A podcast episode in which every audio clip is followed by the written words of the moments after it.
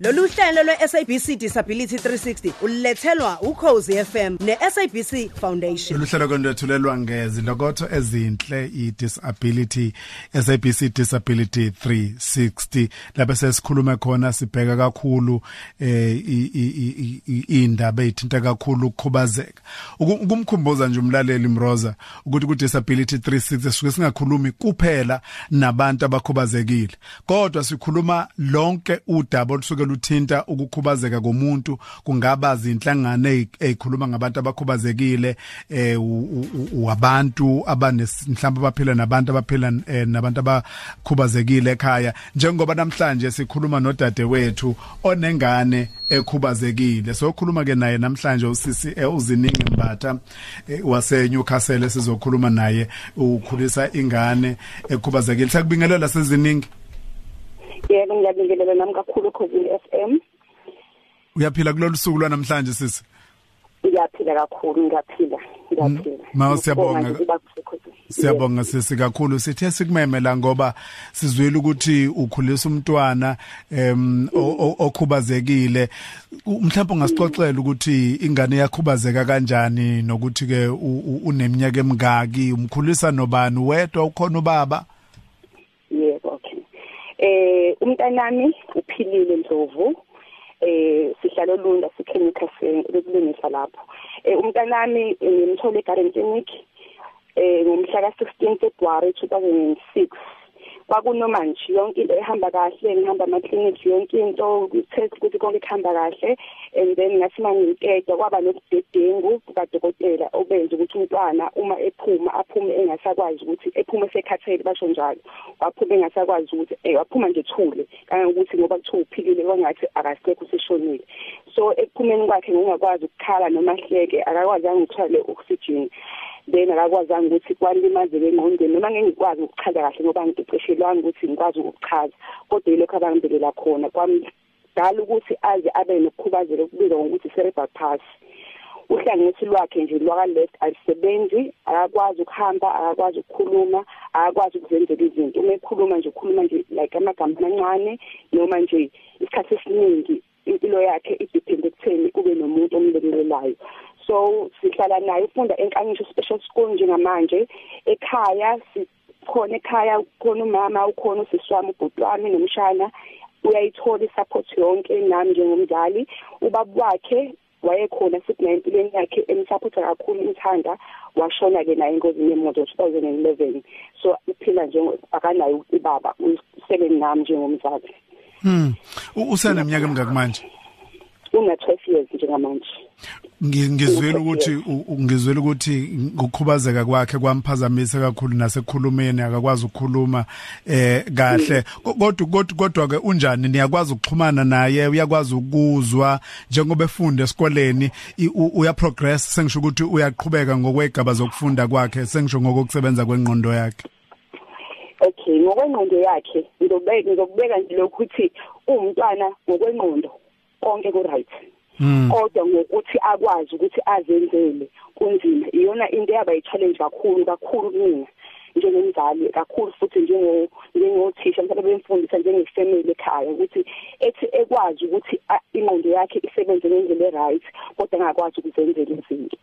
Ufundile uphilile uqale ngesamncane from ama day care nakhona kuyi-challenge ukuthi akwazi ukuthatha ngenxa yokuthi uwumntwana ongakwazi ukuzenzela izinto.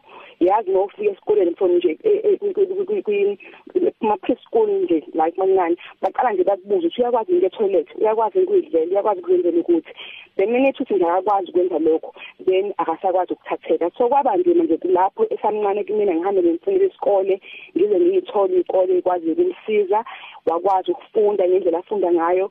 And into engayithola kuyena uma efunda esikoleni ukuthi uwumntwana ohlakaniphile yonke into uyakwazi kodwa ukuthi abambe itena ayibhalela akakwazi. And lokho kwamenza ukuthi ahlale esikoleni afunde bezama bezama ngazo zonke indlela ukuthi bamfundise ngoba ngisho ukuthi yena uphilile uthe khubazekile futhi uthola ukuthi unokukhubazeka okuningi.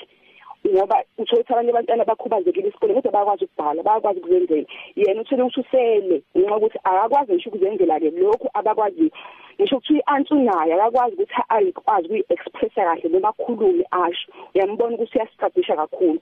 Isikhathi esiningi bengihlale ngikhule ngithi inkosi release ngileke lo mntwana ngoba ngiyabona ukuthi uyasafarisha kakhulu.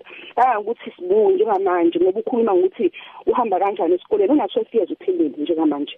Ena 12 years kufanele aqale phansi aqale isikole i think wayeno 6 5 lapho. Kodwa njengamanje kufanele aqale phansi ayofunda lehlobo lokufunda kuthiwa i angani ACC program la azofunda khona ngecomputer. Uqala phansi from ifana nokuthi una 12 enze grade 1 njengamanje. Okay. So, Es esikoleni ngendlela omchaza ngayo kusho ukuthi esikoleni babonakala beyabantu abaqeqeshelwe ngokujulile ukuthi bakwazi ukufundisa umuntu ofana naye.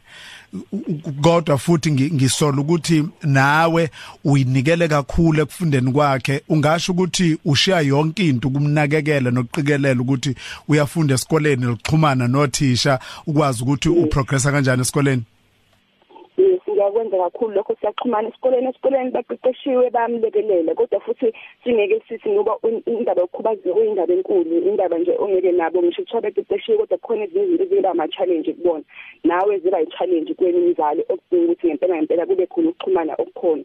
Nawe futhi ungeke ukuthi uzobaqalela ukuthi ngalesi sikhathi futhi ukuthi kube sekwenzekile ukuthi. Kodwa nje siyaxhumana kakhulu nasesikoleni la funda khona nje uthisha wakhona njengamanje inkanyiso izolo bebengifonela besho ukuthi akekho right ngokuhamba ngamadolo ulimele bamuse esibhedlela wabuya uright kunokuxhumana okuningi nokusizana nokulekelelana. Nama therapists ayangichazela ngaso ngayo yonke into ukuthi umntwana ukusiphi isimo bazomsiza kanjani. So ukhulu ukuxhumana engikuthola kakhulu nesupport engiyithola esikoleni. Eh dadwethu ngithi nje mina asikuchome uphaphe lwegwalagwala. Eh sisho sithi ungwesifazana ohlakaniphile ozinikele eh ekukhuliseni umntwana unesandla esihle uyasondela kakhulu.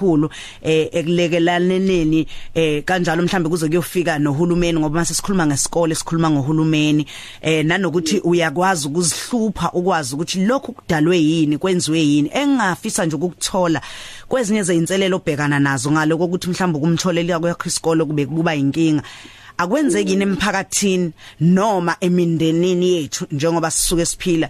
La uthola ukuthi kuthiwa khona hayi kungenzeka ukuthi isike lithile eh elenza ukuthi ingane ikhubazeke. Eh nakho sekushona nobaba. Akwenzeki kube nalezo lezo zinto izwayo endlebeni ezikufikela ukuthi awukho mhlawumbe umsebenzi eningawenzanga. Mhlawumbe alikho idlozi elinjani njalo.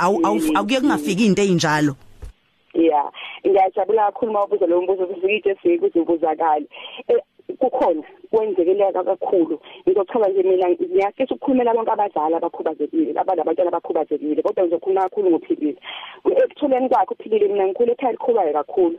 So uyabona ukuthi ngathi ngimthola ngumntana wokuqala uqala kuwe nje unga-affect nokuyisola nokuthi mhlawumbe ngenze iphutha angafanele ngimthole ngingashadile mhlawumbe i-punishment engithola uNkulunkulu ayibona leyo nto leyo. And the minute unga-affect wena kuqala nomphakathi ngiyu-expect ukuthi u-affect uzoba nakho wena kuqala bengakakujaji wena uzoba nakho ukuthi mhlawumbe sebeyakhuluma ngami bazongidabukela mhlawumbe yayibona leyo nto leyo izinto ezenzeka kuwe kuqala bengakakwenzi kuwena okudinga ukuthi nawe ezumzali ukwazi ukuaccepta ukwazi ukuthi uphume ngaphandle. Ubafundise ngoba asikhulanga sifundisiwe ukuthi umuntu akekho umuntu otrainwayo ukuthi njengomzali sengenza ishele ngane noma nemekhubazekile into eqhamukayo nje kufanele uyifunde ngaleso sikhathi. Nomphakathi futhi ukwazi ukuthi uyifunde buka wena ukwazi ukukhulisa ingane. So abe khona ama challenges kube khona abantu abazothi njengoba ngithi mina kakhulu sikhole ekhaya elikholwayo noma babakhe besaphila yena bezenza izinto zesintu naye beka asimuse lapha.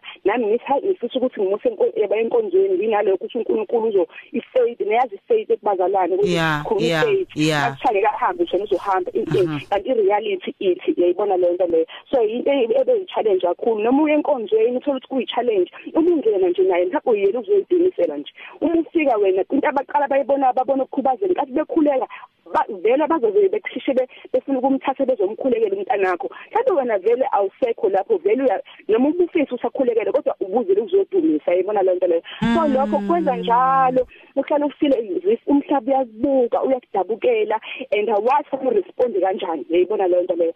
Ngisho kuthiwa ungena ku social media nje uyayivezela ingane yakho uthi uyabona uzothola ama comment amahle ngiyancoma asuke ngijabulise. Kodwa ubufile ukuthi sengathi yabo ngathi kunokuthi engathi ngenza into enkulu kanti abazali bahleli beyipost ingane zabo uyabona leyo nto leyo so mm, ezinye mm. zama challenges oyifaceayo ukuthi as much as nawe mm, umzali ngisho usuzamile uku-accepta kodwa kukhona lokhu ukuthi uhamba uhamba ulimala endleleni noma ungazi ukuthi indlela owenza ngayo iyona efanelekile yini kodwa nje kugcineni kwakho konke kubalulekile nje ukuthi uwazi uNkulunkulu ukwazi ukusiza umntana wakho ukwazi ukumthanda umntana wakho mina ngitshela lokho ikona okungisizayo ukuthi mangimthandile umntana ngiyakwazi ukuthi ena ngikhululeke. Nanokuthi ke umsebenzi engiwenzayo kakhulu uyangilekelela angikhulumi njengomuntu osebenza kuphela ngikhulumela nanomunye umzali ongasebenzi mhlambe naye olisesimene esifana nesami ukuthi ukunakekela abanye abantu nawe ukukhuluma ngalesi simo ukwazi ukuqwashisa abanye abantu akudingi ukuthi uzoqashe lokho kuyakusiza ukuthi nawe ukwazi ukuthi umelane nesimo obhekene naso.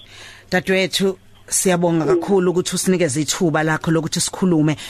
Usuvula amehlo kithina sonke siwumphakathi eh wasinikeza nezinto ezihlukahlukene kwaze kwathinteka eh ngabe ezemfundo kwathinteka amabandla kwathinteka nabantu nje bomphakathi abasuke mhlawumbe bedabuka ngendlela abasebedabuka ngayo. Kodwa nje usuqinisa idolo wonke umzali odlula kulesimo ke obhekena naso njengamanje. Eh sithi nje sichoma uphaphelo gwalagwala siyabonga kakhulu. Kakhulu dadewethu ngibonga kakhulu namethuba lolu hlelo lwe-SABC Disability 360 ubulethelwa ukhozi FM no-SABC Foundation.